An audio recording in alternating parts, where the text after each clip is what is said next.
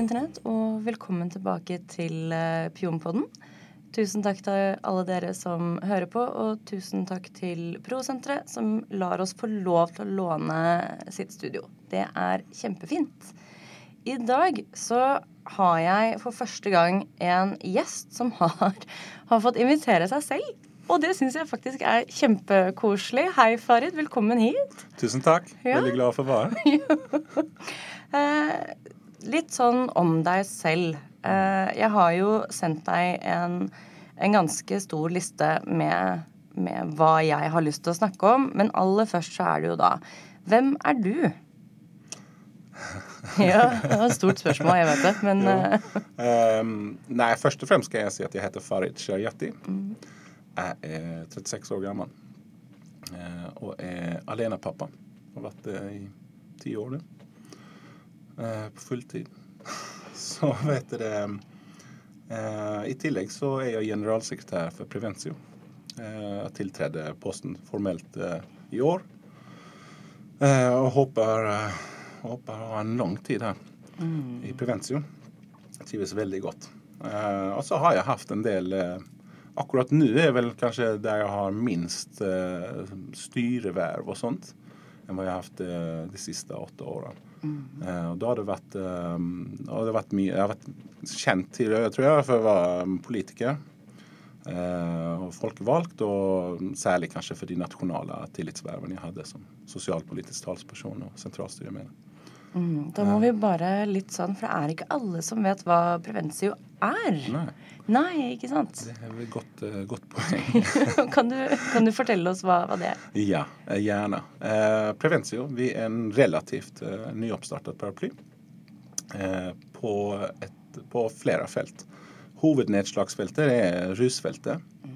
Mm. og tilløpende felt fra justis, helse og sosialfeltet.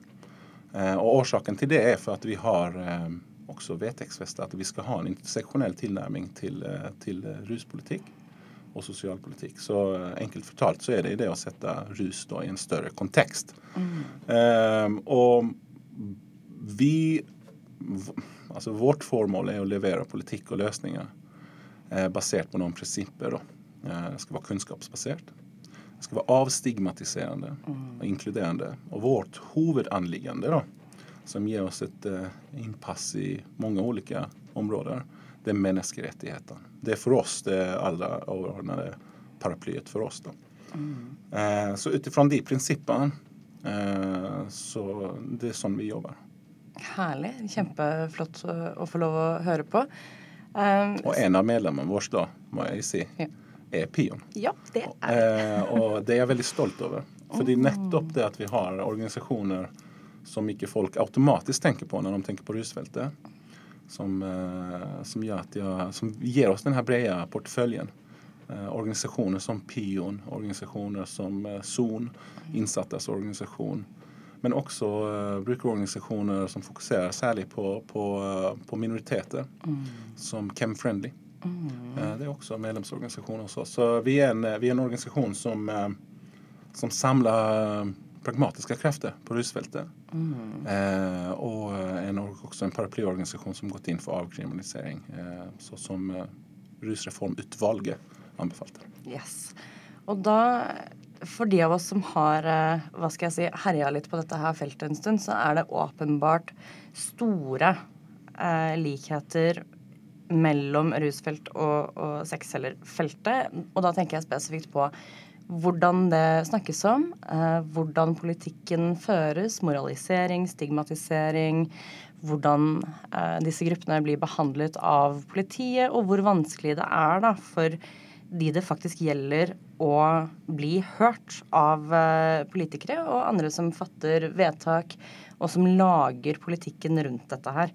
Og det tenkte jeg Vi skal jo innom alt dette her, ikke sant? Og vi kan Jeg tror vi kan holde på, på, på ganske lenge. Og det er jo også noe med at uh, disse områdene er veldig personlige for, for, dem det gjelder, åpenbart. Uh, men det er også felt som det virker som nesten hvem som helst kan bare ha en mening om, uttale seg om. Alle har en mening om det. Alle vet. Og det er mye sånn Ja, men alle vet jo at når det gjelder disse her to feltene. Og det Ikke syns hvem jeg som helst. Alle förutom sexarbeiderna sjøl. Ja, ikke så Ja, men vi er jo hjernevaska, så det er Vi vet jo ikke hva vi snakker om. Det Ikke sant? Nei, men det, det tenker jeg er ganske viktige ting å, å gå inn i. Og jeg tenker at eh, særlig det å dra de parallellene til, eh, til andre grupper, da, Ja. eh, er nyttig.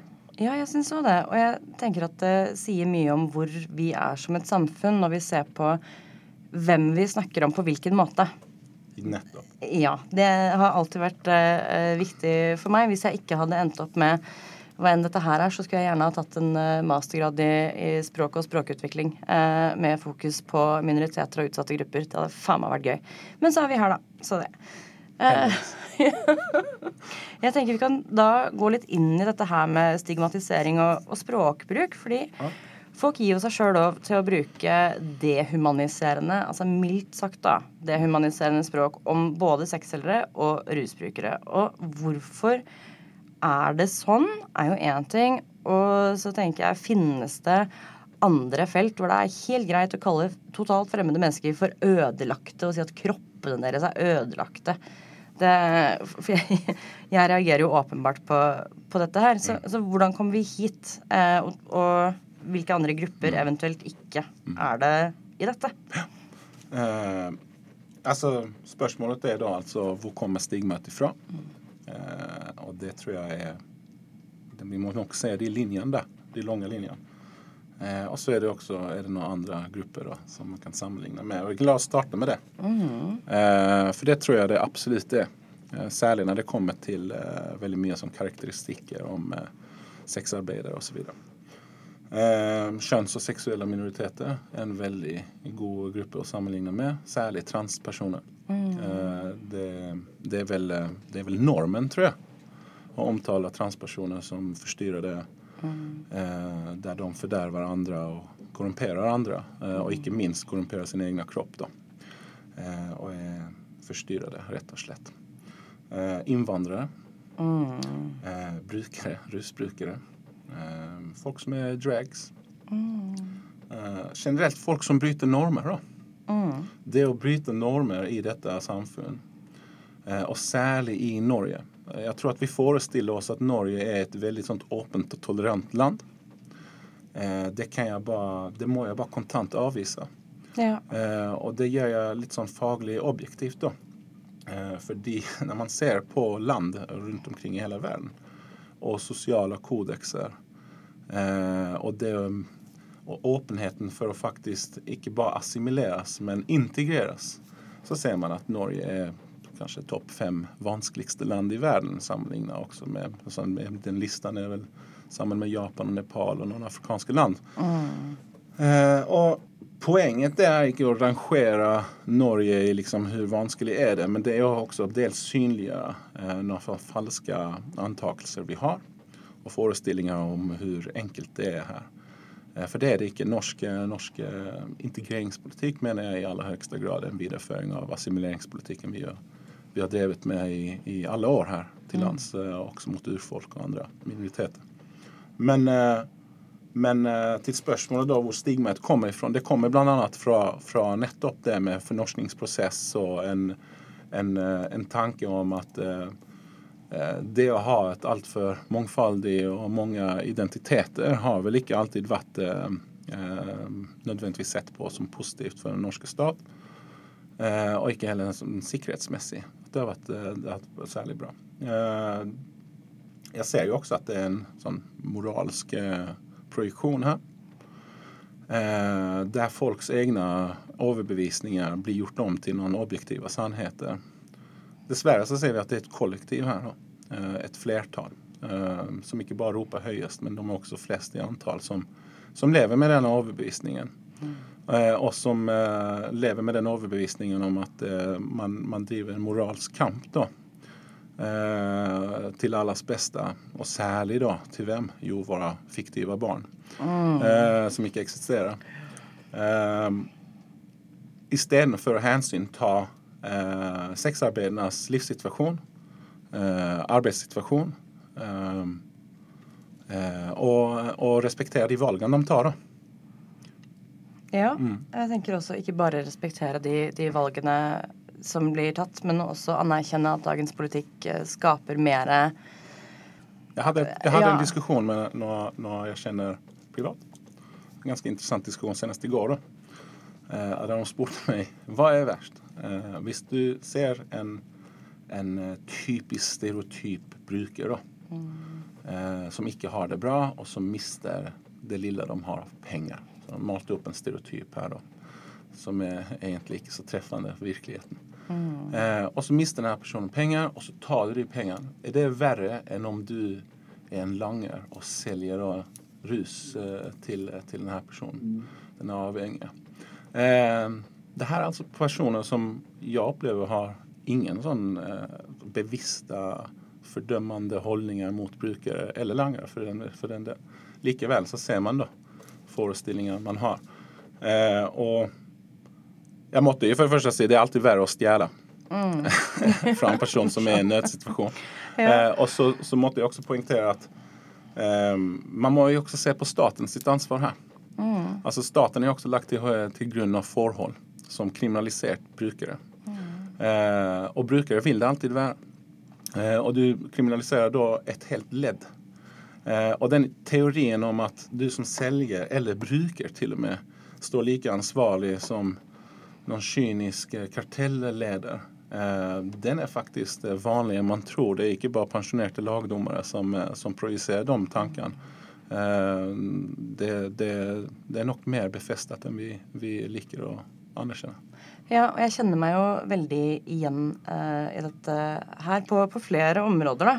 Bland annat med att ikke bare er det eh, mye stigma, men mye tanker som ikke nødvendigvis eh, har rot i virkeligheten. Veldig mange situasjoner som folk finner på og selv tror at eh, er eksemplariske eller typiske, og så er det jo ikke det i det hele tatt. Også dette her med at det er brukere og langere sitt ansvar etc. Og det, gjerne denne tankegangen om at det ødelegger samfunnet. Jeg har fått beskjed om at jeg ødelegger samfunnet fordi at jeg har solgt sex. Og det, det syns jeg er ganske stort ansvar å bære, må jeg si. Det er ganske fantastisk eh, at eh, bare jeg alene er i stand til det. Eh, Ja, det jeg visste ikke at Og jeg at det er verre da enn enn skatteflykt, eh, Ja. juks på den nivåen og sånt, som jeg mente var verre for samfunnet enn enn at du solgte med samtykke seksuelle tjenester. Ikke sant. Og det at vi også legger dette her ansvaret på eh, individer som selger sex av ulike årsaker, istedenfor å se på hvordan vi kan lage en politikk som er mindre skadelig og bedre ivaretar folk som har utfordringer økonomisk, sosialt, når det kommer til migrasjon, når det kommer til å ivareta f.eks. barn eller ikke blir kasta ut fra huset sitt fordi at de ikke kan betale husleie eller lån etc., så er det jo ganske ekstremt at vi legger alt dette her eh, ansvaret på, på individer, og også får beskjed om at du ødelegger samfunnet, og, og den jag jeg liker best, det er vel eh, nå skal vi ikke nevne så mye navn her, men da jeg ble utropt til en patetisk fotsoldat i patriarkatets tjeneste, det var jo helt fantastisk. Og, og at jeg ødelegger fremtiden til barn og, og sånn der. Patetisk til og med. ja, ja, ja. Er det ikke herlig? Man føler seg jo så eh, velkommen eh, i norsk politikk, og da spesielt eh, kvinnebevegelse. Og så tenkte jeg, jeg må bare, angående det du sa i stad, som, som var veldig mye og veldig bra, dette her med, med, ja, ja, med sykeliggjøring og sånn, jeg kjenner så mye igjen fra hvordan vi har omtalt homofile også, og generelt skeive, med at um, det er en sykdom. De er syke, de trenger hjelp, det er psykologisk, de må ha hatt en vanskelig barndom. Ingen kunne vel funnet på å, å være homofil eller lesbisk hvis de ikke hadde hatt en vanskelig ikke sant? Denne formen for retorikk da, som vi nå fører om transpersoner, om sexarbeidere og om rusbrukere. Og denne formen for sykeliggjøring er jo også Kall det spennende. Jeg vet ikke helt hva, hva annet jeg skal si. Men jeg har jo da også med eh, litt spørsmål her om denne synsingen. da, At ingen hadde solgt sex eller rusa seg om de ikke var traumatiserte fra barndom og lignende.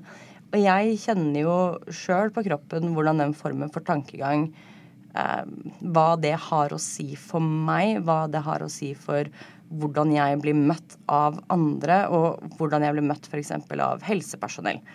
Um, jeg snakker jo ikke med, med min fastlege om sexsalg, for det tar jeg her på, på Brosenteret med folk som har ekspertise, og folk som uh, ikke møter meg på en dømmende eller stigmatiserende måte. Og jeg vet at jeg hele tiden kommer tilbake til dette, her, til dette med, med, stigma. Og når det ikke lenger er mer stigma, så skal jeg slutte. Jeg lover. Men siden vi ikke er der ennå, uh, så tenker jeg hva slags innvirkning da, har denne stigmatiserende tankegangen på f.eks. hjelpetilbud og behandling?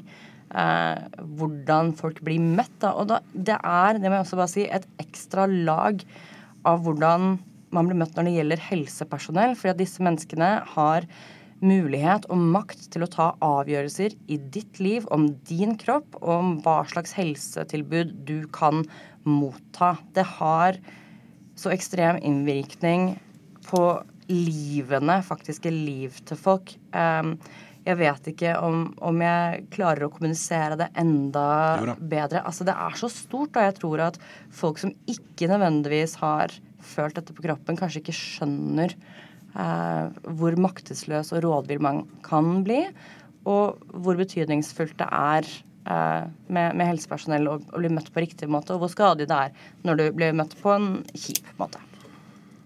Eh, ja, hur, hvilken innvirkning har da stigma på en person? Eh, uh, og uh, eh, jeg er ikke sexarbeider, jeg har aldri vært sexarbeider.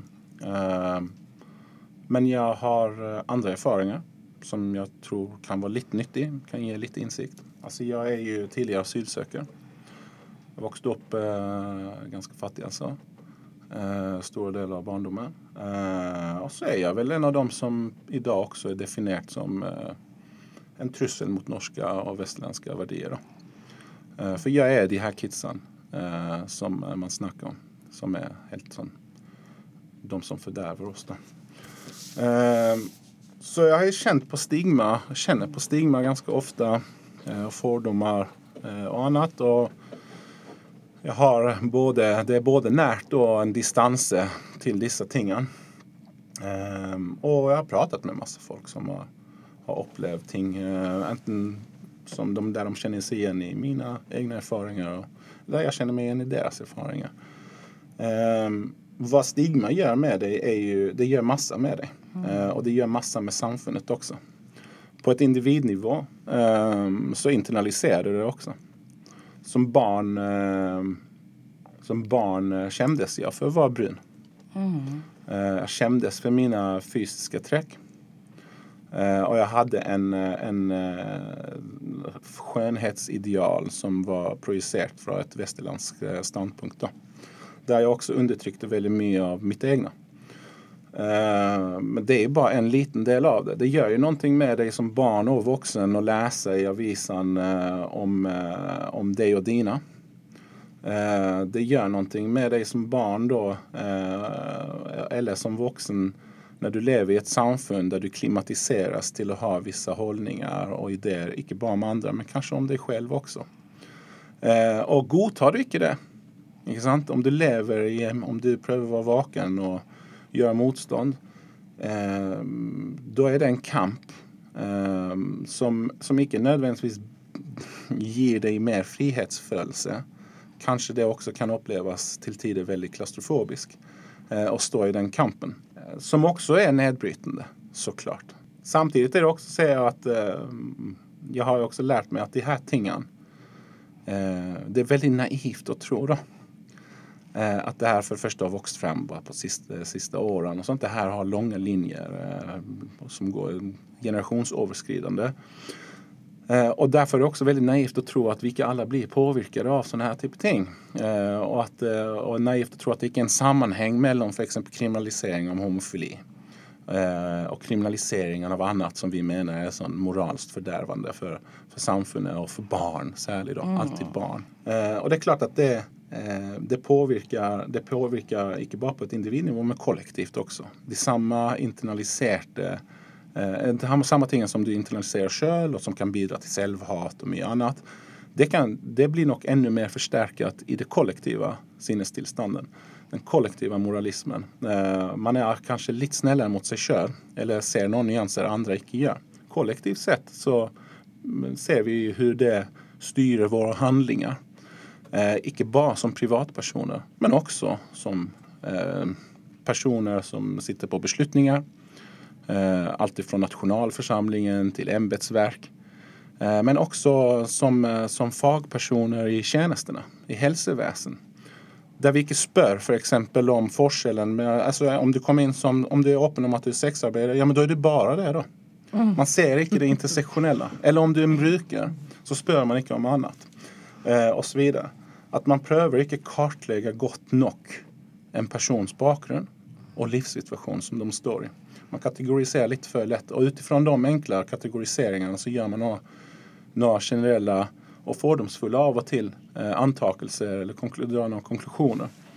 Eh, mange forteller eh, man, Jeg syns det var veldig kloke ord som både Lillit Nepstad fra Pion mm. og Andres Lekanger fra Chem Friendly eh, bidrog med under eh, arrangemanget vårt i, i, under Arendalsuka om minoritetskompetanse på Rusfältet. Eh, och när det kom till, eh, jag klarar inte å det lika bra som de sa det, men alltså det handlar om frykt för väldigt många. Det är en frykt. Du bekräftar det själv, Man tör inte vara öppen med eh, hälsopersonal om sin livssituation. Det menar jag är ett väldigt stort strukturellt problem. Särskilt ur ett människorättighetsperspektiv. Alltså Folk har inte i dag en reell tillgång eh, till en hälsotjänster på grund av dessa fördomar och diskrimineringen som till tider kommer till uttryck. Ja, Uh, och jag känner mig igen i, i, dette her også, spesielt denne, eh, denne, frykten. da, Man har ikke lyst til nødvendigvis å, å, fortelle alle at man er sexarbeider. Og det handler jo ikke bare om der og da at du kan møte en person som, som kanskje kan være fordomsfull, eller som kan finne på å, å prøve å spørre sånn Å ja, gud, ble du kanskje mishandla som barn? Altså, det er ikke bare, bare det. Det er også noe med at journalen din uh, følger deg ja. uh, for alltid. Og det samme er det jo da med folk som har mottatt hjelp eller vært innlagt pga. rusrelaterte Og det er mennesker som oftest, altså veldig mange, da, har ofte opplevd avmakt. Mm. Og er kanskje i en avmaktssituasjon.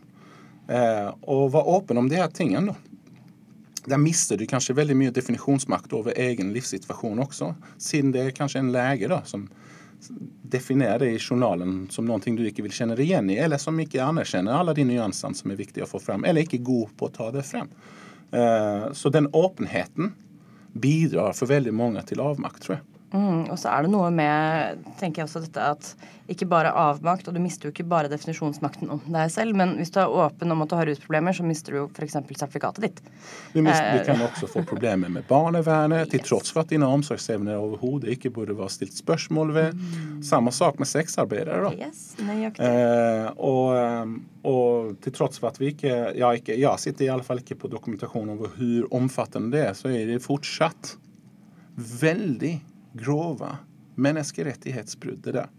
Eh, alvorlig innskrenkning på retten til privatliv. Alvorlig innskrenkning til retten til familieliv. Mm. Eh, og det her bør vi enda se i en sammenheng med at Norge nesten tradisjonsenlig blir dømt i internasjonale domstoler, særlig på barnevernssiden. Mm.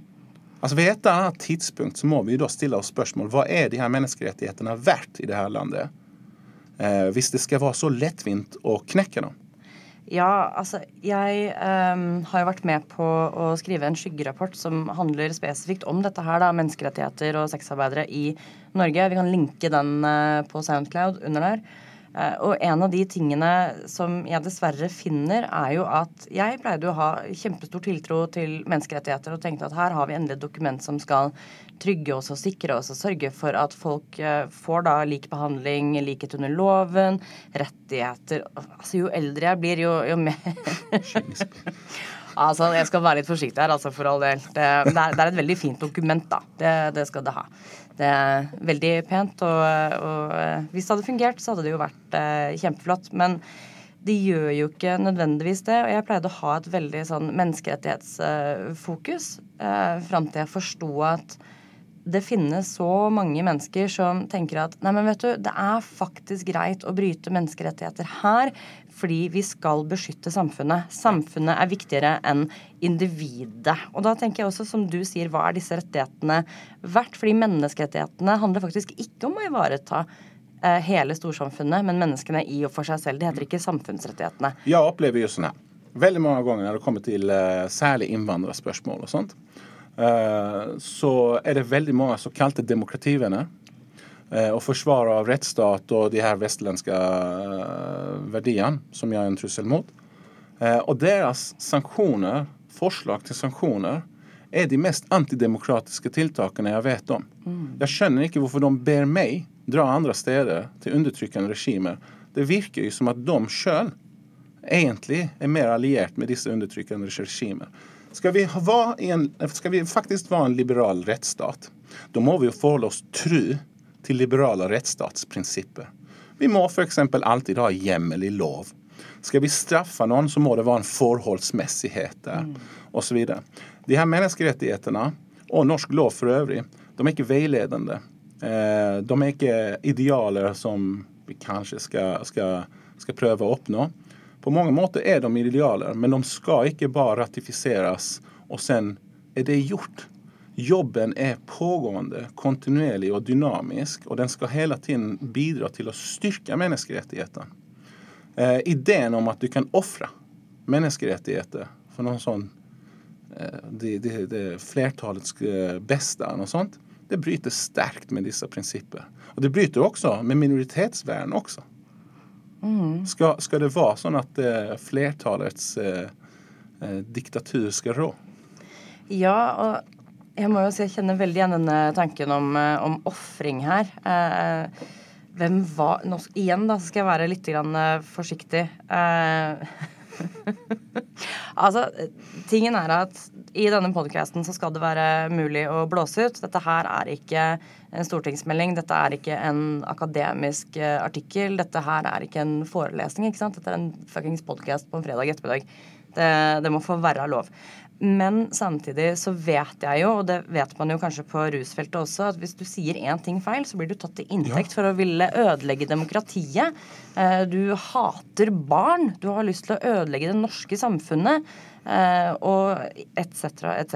Ikke sant. Og det, dette kjenner vi igjen. Men da sexkjøpsloven kom, så var det vel en SV-politiker som sa noe à la sant å si, så vet vi jo ikke om sexkjøpsloven uh, eh, vil gjøre livene til den enkelte prostituerte bedre. At det kunne hende at det ble verre. Men det som ble kommunisert der, da, var at det måtte være greit. Fordi at vi kan ikke godta et samfunn hvor kvinners kropper er til salg. Så det er åpenbart bare damer som selger sex eh, i Norge. Det fins ikke noe annet.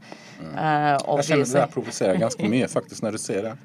Uh, det Ja, att avbryta men jag, jag har lust att kommentera de här politikerna lite. Mm, Eh, gärna. och deras sån eh, kraftiga utsagn de kommer med till tider. Det var inte så länge sedan Rött i Oslo tror jag det var. Som ville förby stripping va? Ja. Eh, och det var också vad var de kallade det? Sån, eh, ja. Kjøp og salg med kvinners kropper. Ja, och någonting om sån helt för, förjävliga eh, syn på kvinnors, eh, kvinnor och generellt om andra människor och sånt. Eh, som jag syns var helt hårresande. Eh, och som eh, ett regelrätt uttryck för någon sån moralisk eh, övervisning och en projektion utav alla andra. Liksom. Och, och samma sak med den här eh, SV-politikern du visar till där där man må nästan ställa sig spörsmålet vad är formålet med dessa loven? Ja. Vem är det man vill hjälpa? Vem är det man eventuellt vill straffa? Vad är det man, och vad är egentligen begrundelsen för dessa ting?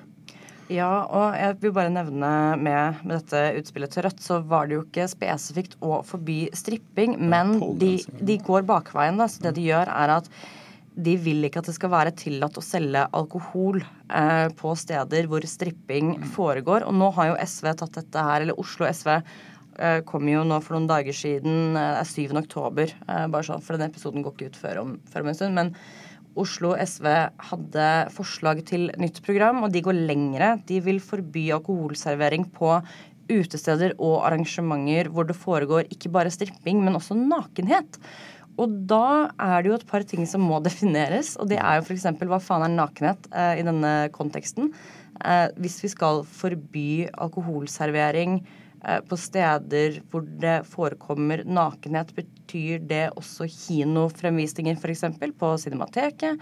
Eh, eller på Litteraturhuset. Hva er stripping? For øvrig så har jo Borgarting lagmannsrett eh, fastslått at stripping er kunst.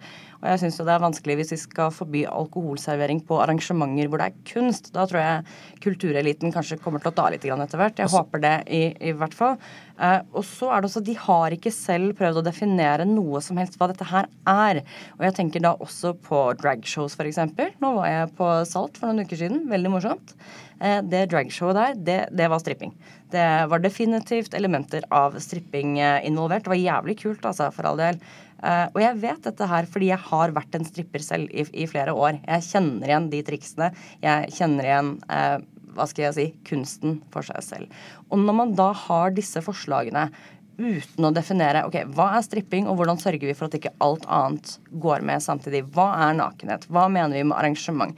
Jeg ble litt sånn uh, Unnskyld, er det noen som har tenkt på å ringe en jurist her? Fordi dere lager jo bare problemer for dere selv med disse forslagene. Det eneste dere klarer nå, er symbolpolitikk og åpne dere sjøl for kritikken som kommer til å komme. For hvordan skal man få gjort disse tingene uten å samtidig ta alt annet? Og En annen ting var jo i dette forslaget at SV vil eh, hjelpe kvinner som lever i prostitusjon, som jeg for øvrig syns at det er eh, et eh, morsomt eh, uttrykk i og for seg selv. Og så vil de ha kvinner ut av prostitusjon. Og da kan jeg bare si hei, eh, jeg har en del tid både denne høsten og neste år. Så hvis dere trenger å ansette en rådgiver, så dere ikke havner i det trøbbelet som er her, så kan dere bare ta kontakt. Så Det var dagen så jeg kjente jeg ble hissig. altså. Ja, jeg kjente også at jeg ble ganske Jeg blir litt provosert av, av sånne lettvinte utsagn. En ting som jag syns är ganska problematiskt då, utifrån ett eh, likestillingsperspektiv, mm. eh, jag upplever att man brukar feminismen som en slags däckmantel då, eh, för att undertrycka andra människor. Och, och det, när, du ser, när du ser vad fem, det här feminismbegreppet, att man begrundar det med, med bakgrund i det, eh, och du ser vad de föreslår och det faktiskt gör sig gällande i praxis så må vi kunna konkludera med att feminism och undertryckelse av någon kön Eh, icke är samma sak. Eh, handlar i grund och grund om likställning mellan alla kön.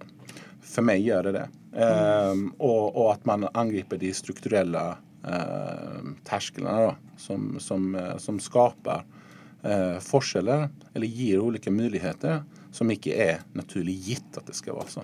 Utan det är mer eh, ting som vi har egentligen strukturerat. Men så tänker jag också på att det, det är också ett uttryck för, för det är samma partier som ser de här tingen. I andra sammanhang så har de ett annat människosyn. Eh, de prövar att ha mer förståelse för en persons bakgrund och så vidare. Och är mindre fördömande utifrån varför folk gör vad de gör. Eh, men det, det, är väl kanske tydligt då att eh, i andra områden där folk har varit stigmatiserade och vi ser en ändring i ordbruken, en ändring i hur vi omtalar dem, och kanske en ändring i praxis så ser vi att eh, det kommer efter att vi har haft en mer öppen eh, och mer mångfaldig ordskifte.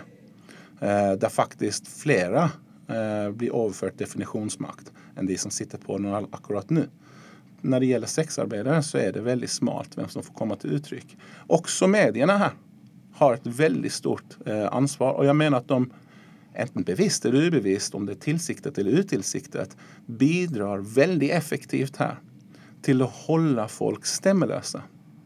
Eh, når representanter for sivilsamfunnet, for organisasjoner eh, som representerer f.eks. sexarbeidere og brukere, når de skriver tekster og forfatter det til nyhetene, da er ikke det viktig nok. Mm. Det er så mye annet som passerer det nåløyet. Men de her menneskerettighetsbruddene her til lands, det er ikke verdt å i, i det hele tatt oppmerksomme i en kronikk engang.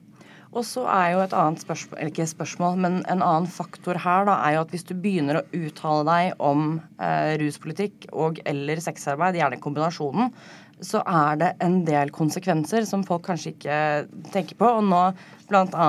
raiding av eh, leilighet og arbeidssted eller at du eh, blir tvunget til å måtte ta eh, tisseprøver og blodprøver mm. eh, fordi at du har uttalt deg om disse tingene enten i medier eller bare på internett. Eh, her har vi jo eh, igjen litt forsiktig her nå, men Hege Grostad som opplevde dette her eh, da hun eh, gjorde kjent at hun var gravid. Og fikk da Altså, politiet kom og ville tvangsinnlegge henne. Eh, ville ta flere prøver av henne, sikre at hun var rusfri. Når hun åpenbart var. Dama er faen ikke dum heller, ikke sant. Eh, faktisk en veldig smart dame. Så idet man da begynner å snakke offentlig om enten rus eller sexarbeid, så virker det som at bare det å si det gjør at politiet kan gå inn med det jeg vil si er veldig kraftige virkemidler. Som jeg ikke tenker at er forholdsmessige, som jeg ikke tenker at de burde ha hjemmel eller adgang til. Men det gjør jo åpenbart at folk ikke føler at de kan eh, skrive eller snakke om dette. Det gjør jo at vi mister eh, muligheten til å uttale oss. Nå skal jeg være veldig forsiktig også. Altså, ytringsfrihet er et såpass eh, stort og, og tidvis litt klønete begrep, men selvfølgelig virker det avskrekkende eh, når politiet begynner å raide leiligheten din, begynner å gå gjennom telefonen din fordi du har sagt at eh, dagens politikk er skadelig. Uh, mye forståelse for det. Og dette her vet jo du mye om også. Vi ser jo det via Eh, det som løst kan eh, omtales som narkotwitter. Ja. Eh, som jeg for øvrig er veldig glad i. Det, der er det mye bra folk, altså. Men jo, men samtidig der så en av de tingene jeg håper, i den grad noen lytter til meg, eh, kunne bidra litt sånn også til å sånn selvjustis innad i narkotwitter òg. Mm. Fordi som jeg sa, da. Det är närmast omöjligt att växa upp i ett samfund som över generationer har klimatiserat dig till ett tankesätt och förvänta att eh, du bara ikke har blivit påverkad av det. Så väldigt många gånger så ser man sig själv och ser den undertryckelsen. Eh, så när det är tydliga paralleller till andra grupper som man själv kanske inte identifierar sig med, ja, ser man inte de, eh, mm. är nästan nøyaktig samme undertrykkende parametrene. Du nevnte flere ting her. Du nevnte riding. Mm. Du nevnte at folk ikke tør å stå frem än mindre å uttale seg om sexarbeid. Eh, eh, du nevnte det at bare sånn på mistanke så er du dømt, eh, osv., osv. Og så beskriver du in, altså, tiltak som er helt fullstendig uforholdsmessige. Igjen, hva er det da de er mistenkt for? Og så er det oftest sexarbeideren som skal være avkriminalisert, som er, som er offeret her for denne justisen. Jeg håper folk kan se at det her sant? Det her gjelder jo ikke én gruppe i samfunnet. Det jeg prøver å se mange ganger, er at vi må bruke denne eh, rusdiskursen til å synliggjøre to ting. Eh, undertrykkelsen som brukerne har, som har opplevd lenge, som er kjempealvorlige, eh, og som kan føre til døden eh, for mange. Og for noen vil de si at det er en lettelse, til og med, etter alt de har opplevd. Det andre vi må ta med oss, er at det her er ikke et unikt problem for brukere i dette samfunnet. Mm. Ok, La oss se på sexarbeidere. La oss se på f.eks. asyl og flyktninger. Eh, det, det, er kanskje en av dem altså Jeg mener at norsk politikk i all hovedsak, de innvandringsregulerende hensynene i all hovedsak bygger på å bryte de samme konvensjonene vi har ratifisert og følge, og som skal ha noen slags overordnet Eh, status da, i norsk lov. Eh, det har de ikke. Ordinær utlendingslov har forrang, f.eks. For disse konvensjoner. Så når vi ser, når vi ser på, på, det du beskriver, eh, og vi ser ja, altså, Norges største minoritetsgruppe, hvilke er det? Jo, det er folk med nedsatt funksjonsevne. Mm. Her har ikke norske staten engang giddet og, altså motvillig. De motsetter seg å ratifisere CRPD, altså konvensjonen for personer med nedsatt funksjonsevne. I tillegg til det da, så har man kommet med en del tilleggskommentarer og sånt, der man fratar folk myndigheten og, og, åpner opp for ganske uforholdsmessig tvangsbruk eh, overfor folk med nedsatt funksjonsevne. Så istedenfor å ratifisere det, så har man til og med gjort det verre. Eh, så at, det, men det synliggjør da så att hur många grupper i samfunnet er det ikke? Jeg kan ta opp Nav-skandalen. Oh, sant? Ja. Eh, eh, innsatte i norske fengsler eh, opplever en grad av isolering som, som, som nærmer seg tortyr. På grunn av hva? På grunn av at man ikke har lovfestet retten til sam, sånn, eh, sosial samvær med andre. Eh, og man har såpass underdimensjonert med personal og fasiliteter eh, at man er nødt til å sette folk i isolasjon. Så Ja. poenget der er da at eh, vi er et land der vi utad, eh, og kanskje innad også, eh, forestiller oss at vi er nesten feilfrie. Eh, men men eh, det spørs hvem i samfunnet du spør. For det er veldig mange som vil si at de ikke har opplevd noe annet enn undertrykkelse og menneskerettighetsbrudd store deler av sitt liv. Jeg har eh, tidligere, altså ikke nødvendigvis på podkasten, men sånn generelt prøvd å snakke med folk rundt meg eh, om f.eks. klasse, om rasisme, om sexisme. Og det er så mange som ser ut til å tro at jo, men jeg har ikke opplevd disse tingene, så da eksisterer de ikke i samfunnet. Jeg har ikke opplevd at vi lever eh, Eller at vi bor i et land hvor enkelte lever i ekstrem fattigdom. Så fins ikke disse samfunnene. Og samtidig så blir det den Ja, men Norge er jo så flinke. Se på andre land. Der har de det verre. Og så blir det en slags unnskyldning for å ikke ta tak i det som foregår her hjemme, fordi noen andre har det verre, og fordi at det ikke angår dem selv. Og jeg syns at det er et fryktelig kjedelig menneskesyn, og jeg tror ikke nødvendigvis at vi får et bedre samfunn av det heller, med hva som er et godt samfunn. Spørs jo virkelig på, på hvem du snakker med. Og jeg, bare litt sånn tilbake også.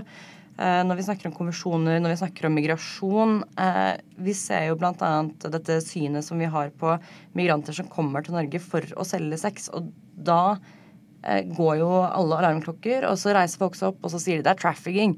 Som om ingen eh, kunne selv ha tatt det valget da, å komme til et av verdens rikeste land for å selge sex her, og for å sende pengene tilbake til enten familie, eller for å investere i hus, eller for å investere i skolegang, eller betale for eh, f.eks. sykehjem eller helse, eller etc. Så galt er det. Altså, så galt er det. Jeg, jeg snakker med en, en av dem som sitter i eh, Sannhets- og forsoningskommisjonen, som Stortinget nedsatt, eh, de ser på den här förnorskningsprocessen mot samer, kväner och sen, eh. De hade en liten turné i Finnmark eh, några år sedan där de hade vittnemål, eh, och og sånne ulike lokalt i lokalsamfunden där folk faktiskt stod fram och delte enten sina egna historier som de upplevde under förnorskningsprocessen eh, eller som de upplevde som barn och så det vuxna och sånt. Bland annat det här med språk. att de inte kunde snacka så mycket sitt eget språk hemma och sånt, Eller de torde ikke, osv. Jeg hørte på en del av de här vittneförklaringarna och Etterpå så snackade jag med min vän eh, som sitter i den här kommissionen och, och eh, sa att vet du vad, när jag satt och lyssnade så, så var det som att höra på egen livshistoria då.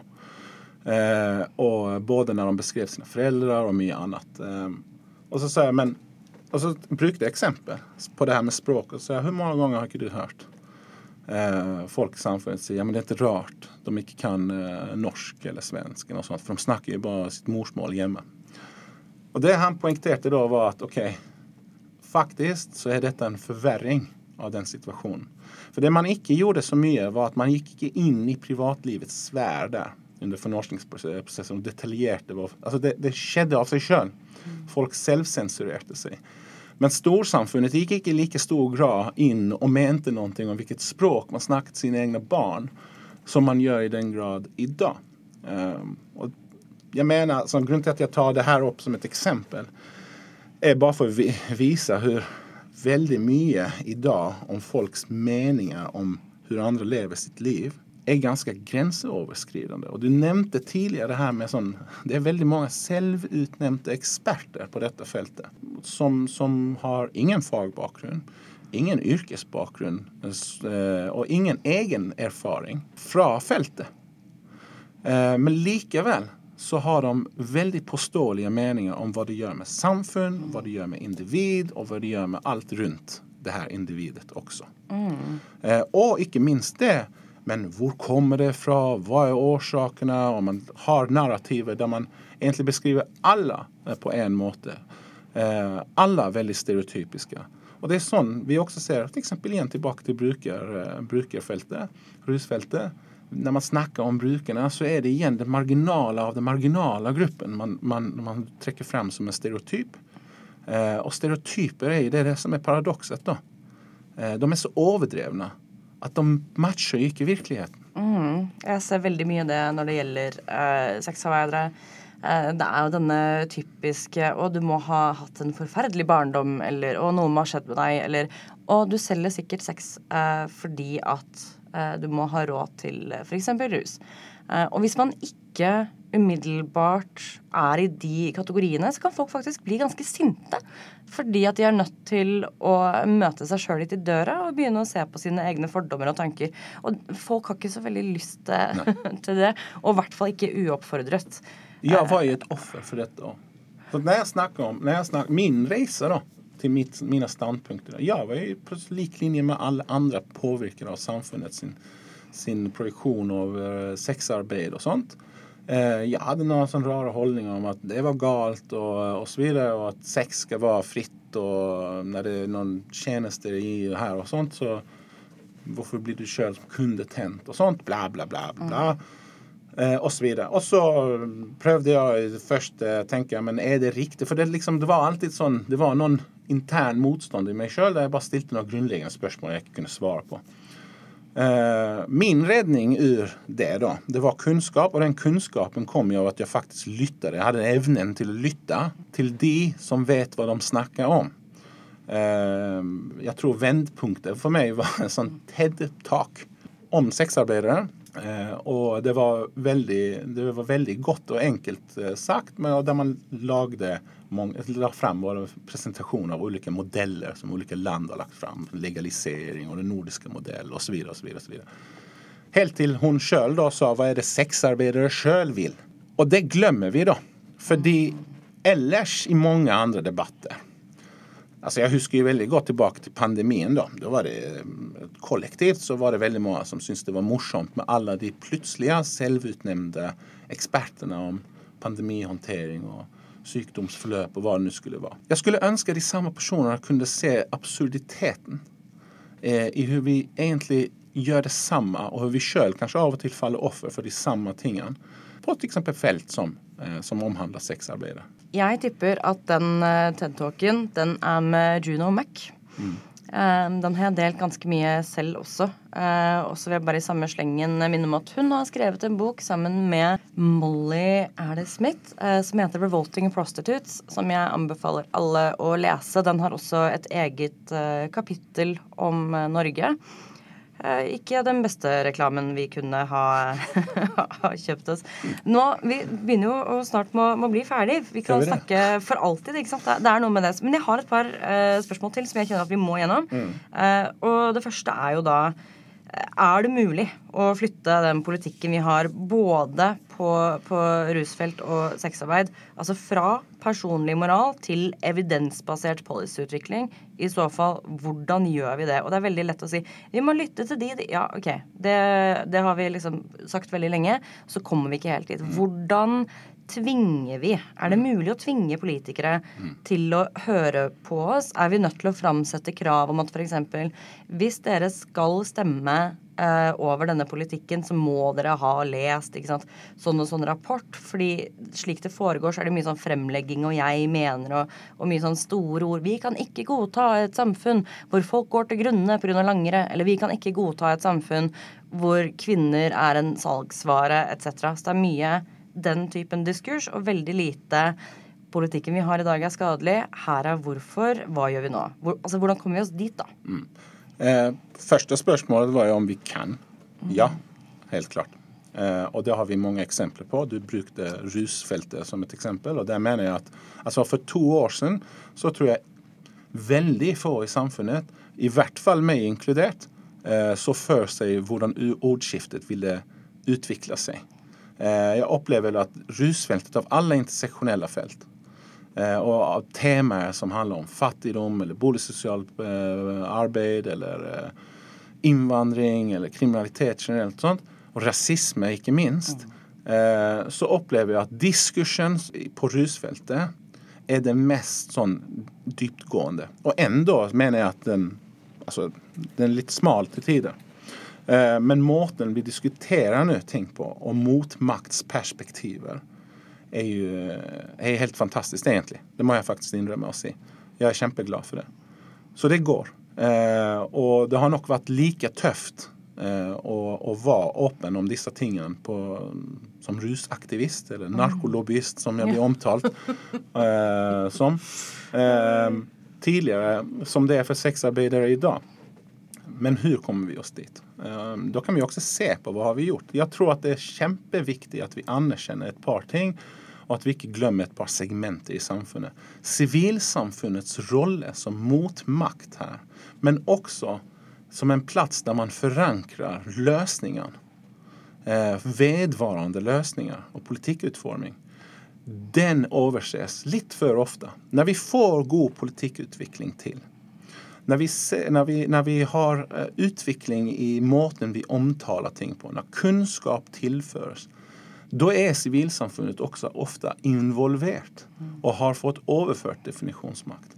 Den förra hälsoministern gjorde en god jobb i, den, i det hänseendet eh, och inkluderade brett brukarorganisationer och lyttade till dem.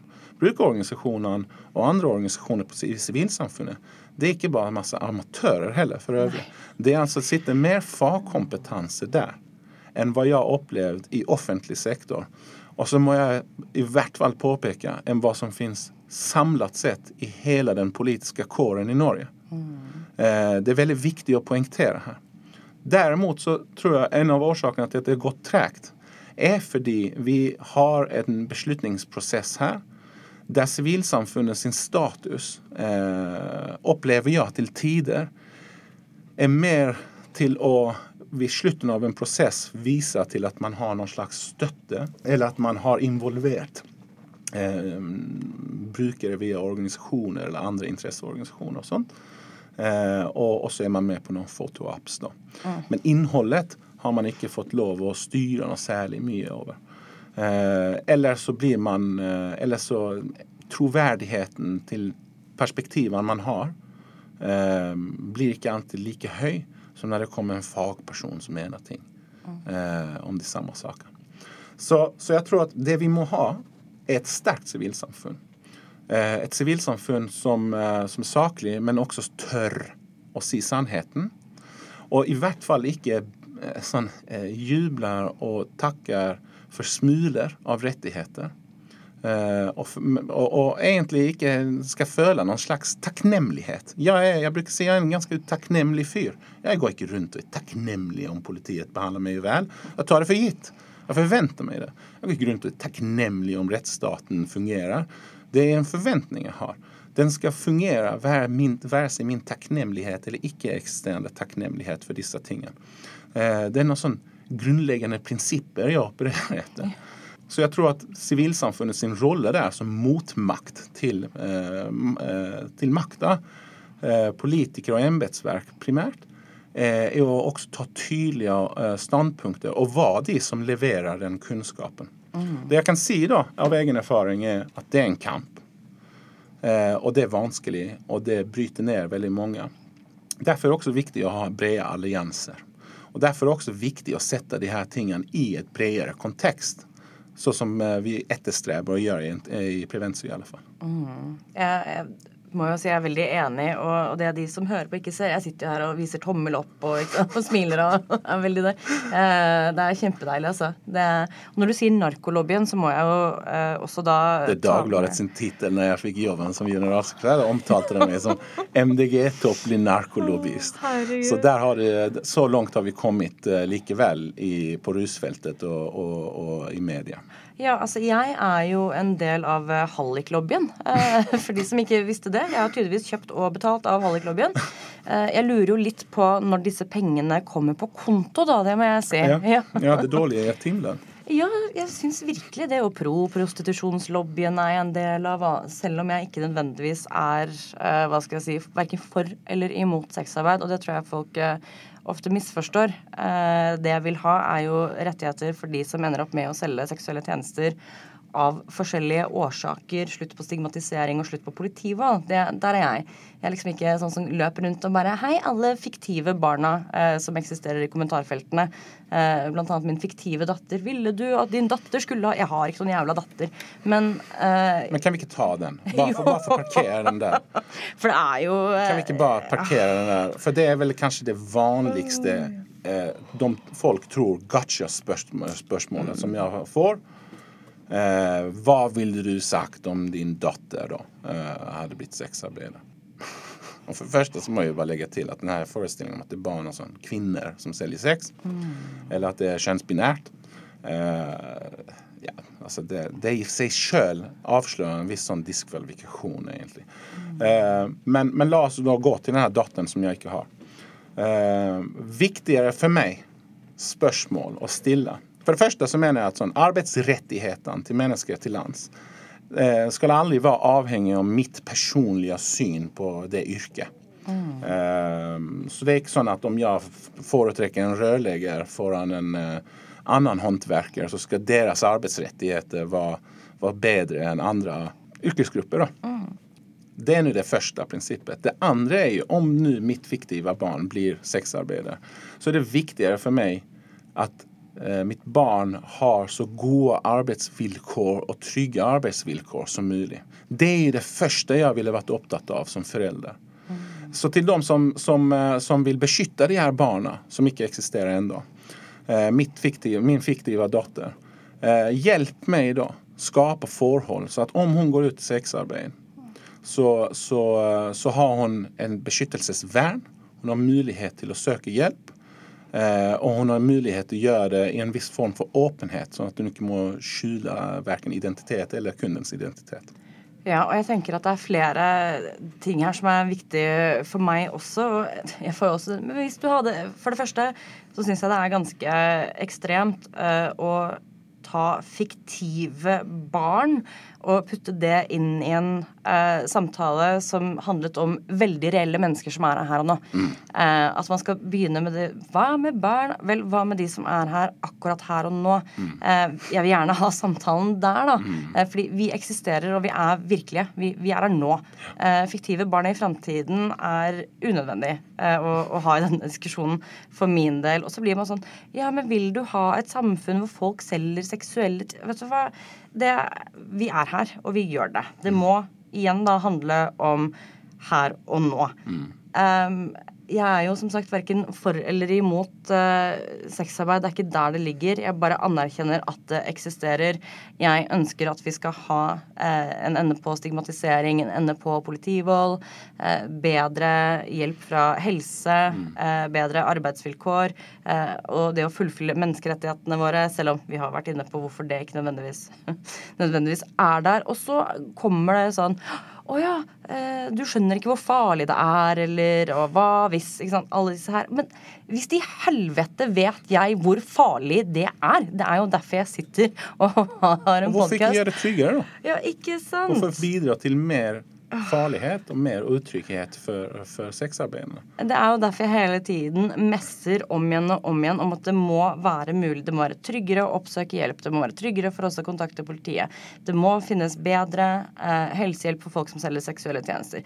Det är ju därför jag har eh, en podcast och en Twitter-konto. Det är därför jag gör det jag gör. Det är därför jag ger mig själv eh, grått hår och väldigt många bekymringsrynker eh, över det För jag vet hur farligt det är. Eh, og jeg syns jo det er spesielt ekstremt når det er folk utenfra industrien som ikke har noen fagkompetanse, aldri har jobbet med sexselgere, ikke har noe som helst peiling, som kommer og skal fortelle meg at jeg ikke skjønner hvor farlig det er. Da må jeg tidvis eh, telle til ti. Det er det jo ikke alltid jeg gjør, da. Det skal sies. Jeg det høres ikke sånn ut, men jeg er en ganske rasende kokforbanna nordlending til enhver tid, og hun er altså bare rett under overflaten. Spesielt når det kommer til dette her. Det er så arrogant. Det er så ekstremt nedlatende å ikke anerkjenne at vi som står i dette her hver eneste dag, faktisk har kompetanse, vet hva vi snakker om, eh, bedre enn de som er på utsiden. Jeg ønsker oppriktig at folk setter seg ned Eh, og heller høre på oss. Og det er også en ting, selv om de ikke liker oss. Du må ikke like meg. Du trenger ikke å synes at jeg er ålreit. Du trenger ikke synes at jeg har rett. Men det hadde vært veldig fint om folk kunne bare ha prøvd å lese litt, prøvd å høre litt, eh, og anerkjenne at oi sann, her er det et tema hvor jeg ikke har noen form for formell eller uformell kompetanse. Her har jeg bare meninger. Jeg vil også at folk spør seg sjøl hvorfor de vet det de liksom Alle vet jo at sexarbeidere eller de prostituerte er sånn. Hvor har du det fra? Hvem var det som fortalte deg det? Fordi hvis du har lært det via TV-serier eller film, som de fleste har, eh, så er det en del andre kunnskaper du kanskje også burde begynne å ta tak i. For da tror man kanskje at man kan sette seg i en DeLorean og så reise i tid. Det hadde også vært jævlig kult, men, men sånn er det jo ikke. Og vi skjønner at det ikke er sant, men når det kommer til sexarbeid og rus, så tror vi jo typ, at disse fortellingene At det er Lilja Forever og ingenting er Pretty Woman og etc., etc. Jeg skal Ja, Jag du skal få lov å svare. Jag må altså. kommentera det att eh, det- ett par viktiga ting här igen till, till de som uh, lyssnar till mig då i någon grad. Ehm, om det är någon som gör det. så, så, så är det sånn, se, se på rusfeltet då. Väldigt många som är för avkriminalisering.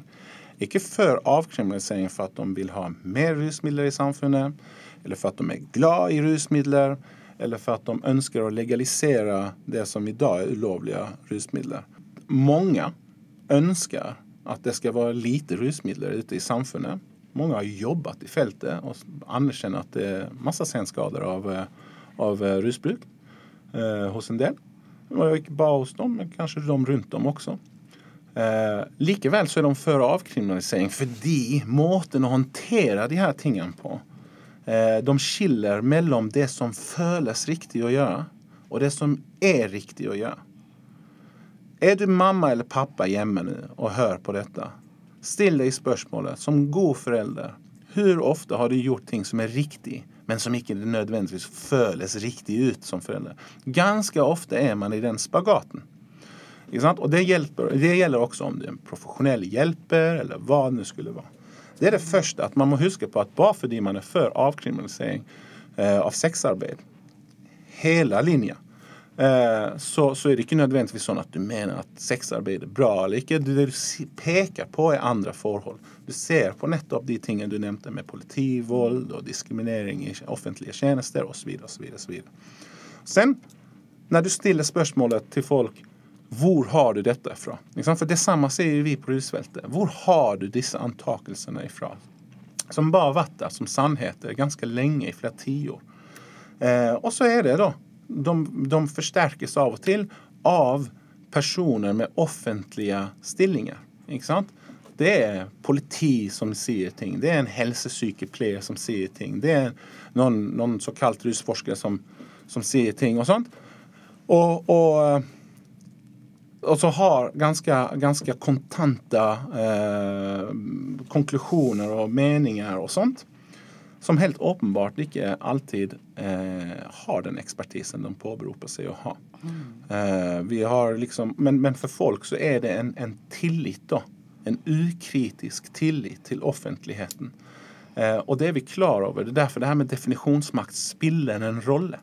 Så når offentlige ansatte har veldig bastanta konklusioner som icke nödvändigtvis har den fagliga förankringen som man skulle forutsatt de skulle ha haft. Ehm, så ser man också att det är väldigt mycket här som blir förstärkat av offentligheten också. Akkurat som det har varit på Roosevelt och många andra fält. Det som er litt eh, spennende og morsomt for, for min del akkurat nå, er at du forklarte akkurat eh, Foucault, makt og kunnskap. Eh, jo, men når maktpersoner eh, sant, fremstiller seg selv som at de har veldig mye kunnskap, så tror vi på dem. Eh, det er noe med denne overføringen av at å ja, men de er jo de vet jo hva de snakker om. Det må de jo. Dette, dette er Foucault. Dette er en Foucault-analyse. Ja, siden du nevner Foucault, da, så kommer jeg å tenke på Chomsky, som var i debatt med Foucault. Eh, og som hadde et veldig godt poeng i den debatten med Foucault. Eh, begge ganske veldig interessante å, å, å studere. Men, men Chomsky sin, sitt poeng var jo her at staten har en definisjonsmakt og definerer hva som er lovlig og ikke lovlig. Staten har definisjonsmakt til å si hvem som er kriminell og ikke kriminell. Det betyr derimot ikke at det er riktig. Staten kan velge å kriminalisere en handling. Det er ikke nødvendigvis den handlingen som er den kriminelle. Det er den kriminaliseringen av handlingen som kan være det kriminelle. Case in point. I 2015-16, når det s- flomma over av asylsøkere til, til, eh, til Norge eh, over Storskog Altså, det gjorde ikke det. Eh, eh, sarkastisk nå. Men det kom et høyere antall enn enn- enn hva som er vanlig. En, eh, litt over en dobling av hva som var standard da. Eh, så litt over 30 000 som ankom. Eh, og det som skjedde da, var jo veldig mye rart. Eh, blant annet at folk fikk ikke lov til å søke om asyl her osv. Eh, och det man bland annat prövade att göra var ju att sända folk ut av landet för de en gång har fått leverera en söknad. Det är sant? Klara brud på alla konventioner och sånt som vi har en praxis, icke minst på asylfältet. Eh, en privatperson i Sörvaranger motsatte sig detta. Eh, civil olydning. Eh, och stoppa politiet fysiskt för att köra den här deportera den här familjen.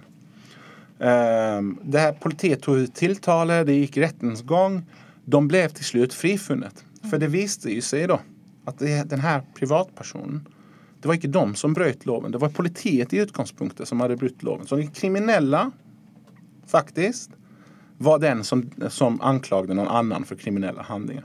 Det här visar ju då att vi som borgare och civilsamfund, vi är nödda till att vara kritiska till den definitionsmakten. Eh, så, så staten, och det var det Chomsky sa då när han var i debatt med, med, med Foucault, att, eh, att vi må inte bara ta för gitt att det är riktigt. Vi må ikke, vi må ikke ta för gitt att, eh, at når när staten eller noe kollektiv til enhver tid har sagt att det här, sånn her ska vi lösa det.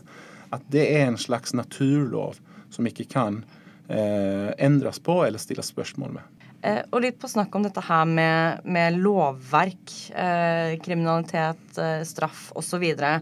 Så du är ju svensk och nu har det ju kommit en utveckling på fältet i, kall det et felt, da eh, om sexarbeid i Sverige. Först ett lovförslag och nu ser det ut som det ska bli fengselsstraff för alla som mm. köper sexuella tjänster. Jag bara minner om att i Norge så är det en, en bot på jag tror det är mellan 20 och 25 000 kronor. Men nu ska det bli fängelsestraff i, i Sverige. Ja. Uh, jag är glad att du är inne i det. Uh, jag brukar säga att Sverige, på gott och ont, är liksom som Norge fast på steroider. Alltså det som är dåligt här brukar oftast vara mycket värre där. Uh, för väldigt mycket av det vi har av lovverk här är hämtat från Sverige eller inspirerat därifrån. I vart fall den svenska modellen, den nordiska modellen som gäller, reglerar det här sexköpsloven. Då. Principen bak det. Eh, och um, Sverige har varit mycket värre är mycket värre eh, i, i det moraliska fördömandet. Eh, och det som är, som du nämnde det lovförslagen, det som skedde i Sverige var ju att man hade en ganska stor eh, typ motsvarighet till en NOU om en skärpning på samfundets syn på egentligen det som handlar om sexuella övergrepp och sånt mot eh, i alla, alltså sexuella brud. Särskilt mot barn och sånt och våldtäkt eh, och så vidare. Och det var förslag som stort sett hela samfundet egentligen ställt sig bak, inkluderat eh, intresseorganisationer för sexarbetare i Sverige. Det var mycket negativt till liksom, de skärpningarna. Det som man samtidigt gjorde, kastade in plötsligt från sidlinjen, ingen skönte var det kom från. Det var att man också följde eh, föjde till lovförslag som inte hade varit utredda egentligen Eh, där man likestilte samtyckande sex eh, mellan en sexarbetare och en kunde med våldtäkt. Mm. Eh, och det betyder då att som, blir du då straffad eller tilltalt som kunde så är det en sexförbrytare. Alltså det är inte bara fängelsestraffen som är ett problem här. Det är vad du blir definierat som. Mm. På liklinje med andra sexualförbrytare eh, som bryter loven utan samtycke för övrigt. Och detta gjorde man också utan att nödvändigtvis inkludera någon sexarbetarorganisationer. Och mig känt någon sexarbetare i det tatt. Eh, men organisationen var inte involverad. Och det de mäller om är att för det första så för ju detta till mer av det man icke önskar. Alltså det är kunden som sätter väldigt mycket premissen här. Kunden önskar anonymitet i utgångspunkten. När du skärper straffen på den här måten så ökar usynligheten då. Mm. Önskar ännu mer anonymitet. Alla kunder är icke trygga att vara med. Nej, eh, så det det för till är att det går ut över sexarbetaren som måste kyla sin verksamhet ändå mer på kundens premisser. Mm. Eh, och eh, ja, vi kan ju bara vi kan ju bara räkna ut vad, vad andra konsekvenser vill vara av sådana såna skärpande straffe, straffeförslag. Det det visar här igen är, här är det sannolikt idén om att man vill göra gott. Ikke sant? Det føles gott att straffa för, eh, kunden på den här måten. Og man tänker att det är kunden man straffar, icke sexarbeideren. Men man ser icke att du kan ikke avkriminalisera kjøpeleddet utan att du samtidigt de facto kriminaliserar säljledet också. Och den, den, den yttersta konsekvensen är, går, går utover Eller i alla fall sexarbetaren må bära ansvaret för det som är Norges eller Sveriges ansvar. Mm, och jag känner ju att det här är väldigt igen bland annat med anonymitet. Jag vet ju att så länge det är straffbart å köpa sex, så är det väldigt vanskelig för mig att få tak i f.eks. Eh, det ekte navnet till kunder, eh, telefonnummer eh, som inte är en sånn såkalt burner-phone. Eh, det er veldig vanskelig for meg hvis noe skulle skjedd, da, og la oss si at jeg hadde lyst til å anmelde, så må jeg si nei, han kalte seg for uh, Ole Henrik. Uh, jeg tror han er kanskje over 40. I hvert fall over 30, men, men under 50. ikke sant? Og så er han blond, og så har han blå-ish øyne. Og hvis det er alt jeg har å gå på, så er det jo helt umulig. Og det samme gjelder selvfølgelig i Sverige. Um, og så må du legge til, da, ja. som er veldig viktig, for det her, det her er ikke folk opp, oppmerksomme på. At man har jo kriminalisert også eh, selgerleddet òg. Fordi du får jo ikke lov eh, å beskytte dine metoder uten at det kan falle under denne hallikparagrafen. Du kan ikke ha en venn eh, ved rommet ved siden av. Bare som trygghet, fordi det faller under hallikparagrafen. Mm. Eh, og så videre, og så videre, og så videre. Det er veldig mye som går på selgerleddet, som også er kriminalisert. Eller forbudt. Ja, og sexarbeidere blir brukt som både mål og middel for mm. å prøve å bekjempe såkalt eh, vold mot kvinner. Mm. Og igjen, da, som vi var inne på dette her med menneskerettigheter, rettigheten til et privatliv, rettigheten til familie. Dette gjelder ikke oss. Vi er ikke en del av omtanken her. Sexarbeideres rett til privatliv f.eks.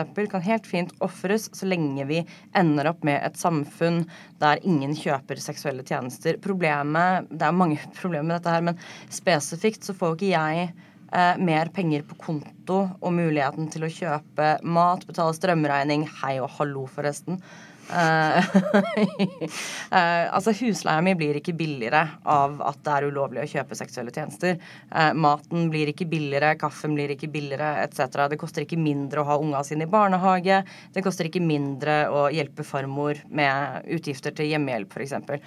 Disse tingene går jo ikke bort, da. Og da tenker jeg at vi har en ideologi som står øverst, og så har vi utsatte grupper på helt andre side. Og igjen, det er tydelig eh, greit å ofre utsatte grupper så lenge vi kan ha et såkalt idealsamfunn, som alle selvfølgelig skal få definere for seg selv. Men jeg lurer på hvor ideelt er det, og hvem er vi som et samfunn når vi er villige til å si at nei, altså ja, det kan hende de opplever mer vold, ja, det blir farligere for dem, eh, ja, de opplever mer fattighet, ja, dette her er vanskelig, vi forstår, men vi vil ha et samfunn hvor sexkjøp ikke foregår. Og jeg tror at det ikke kommer til å gå bort. Eh, fordi så lenge fattigdom eksisterer, så lenge det finnes mennesker som ikke har penger, så vil det å selge sex alltid mm. være en form for mulighet. Og et spørsmål jeg får veldig ofte, er jo tror du hvem som helst kunne ha blitt sexarbeider? Og vet du, mm. kanskje ikke nødvendigvis, men eh, jeg tror de aller fleste av oss er nærmere det å kunne ende opp som fattige av forskjellige årsaker. Det kan være en ulykke, det kan være en skilsmisse, det kan være sykdom, det kan være så mangt. Så i så måte, ja. Ja, det kan være at staten fratar deg noen som helst fremtidsutsikter og muligheten til å tjene penger på andre måter.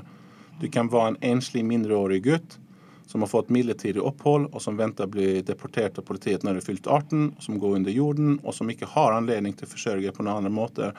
Og der deres livssituasjon er kunstig fremskapt av en manglende systemkritisk tilnærming til, til, til feltet. Mm. Så det vi har da, er at vi har det her idealet du nevner, som vi ikke kan oppnå, eh, og som jeg mener er dumt å prøve å oppnå også. Eh, og i den grad når du kan det, være seg det er bra eller ikke, det idealet, så er virkeligheten sånn at det vil eksistere sexarbeidere og andre. Eh, og da har det idealet istedenfor skapt parallellsamfunn. Et parallellsamfunn med folk som er verdige, og folk som er uverdige. Og de uverdige de kan vi gjerne ofre mm. for de verdiges skyld. Det, åh, igjen, det er så deilig å få, å få lov å prate med deg. Jeg, jeg blir så glad. Eh, helt til slutt her nå eh, så har du jo fått lov å tenke litt på det, og jeg syns at dette her er det vanskeligste spørsmålet av dem alle. Eh, det er lov til å nevne flere ting også, men når man skal begynne å liksom rangere favoritter, og da film, bok, serie eller lignende og da spesifikt for denne podkasten så er det jo morsomt med, med noe som tar for seg sexarbeidere. Men jeg spurte jo også det samme spørsmålet da om rus. Og hva har du svart? Aha nej, det, det, det jag kom att tänka på, det var en film från eh, Storbritannien. Jag tror den är från 2016, som heter I, Daniel Blake. Eh, den, för mig var den väldigt stark eh, att se på. Uh, fordi ikke för att den, Det var inte någon överraskelse för mig. Men den bara synliggjorde byråkratiets tyranni där. Hur mänsklig den blir, och hur kafkaisk den blir.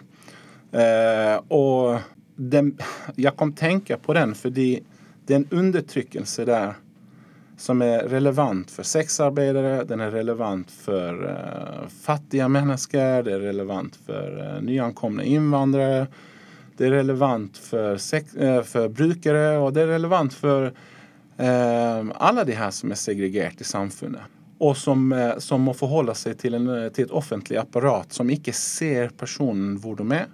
Og der intensjonene med hjelpetjenestene er blitt glemt, egentlig. Mm. der skjønn ikke utøves lenger.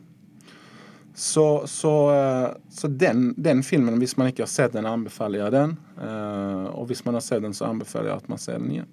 Ja, herlig. Tusen takk. Eh, og så må jeg få lov å si eh, generelt tusen takk til deg, Farid. Eh, dette her var kjempedeilig, kjempemorsomt. Det er virkelig en god måte å, å gå inn i helgen på for oss. Ja, men eh, nöjet är på min sida, som man säger i Sverige. Det var veldig hyggelig. Tusen tack för nu, eh, allesammans. Och Og igjen takk for at dere på. Hilsen Hanna.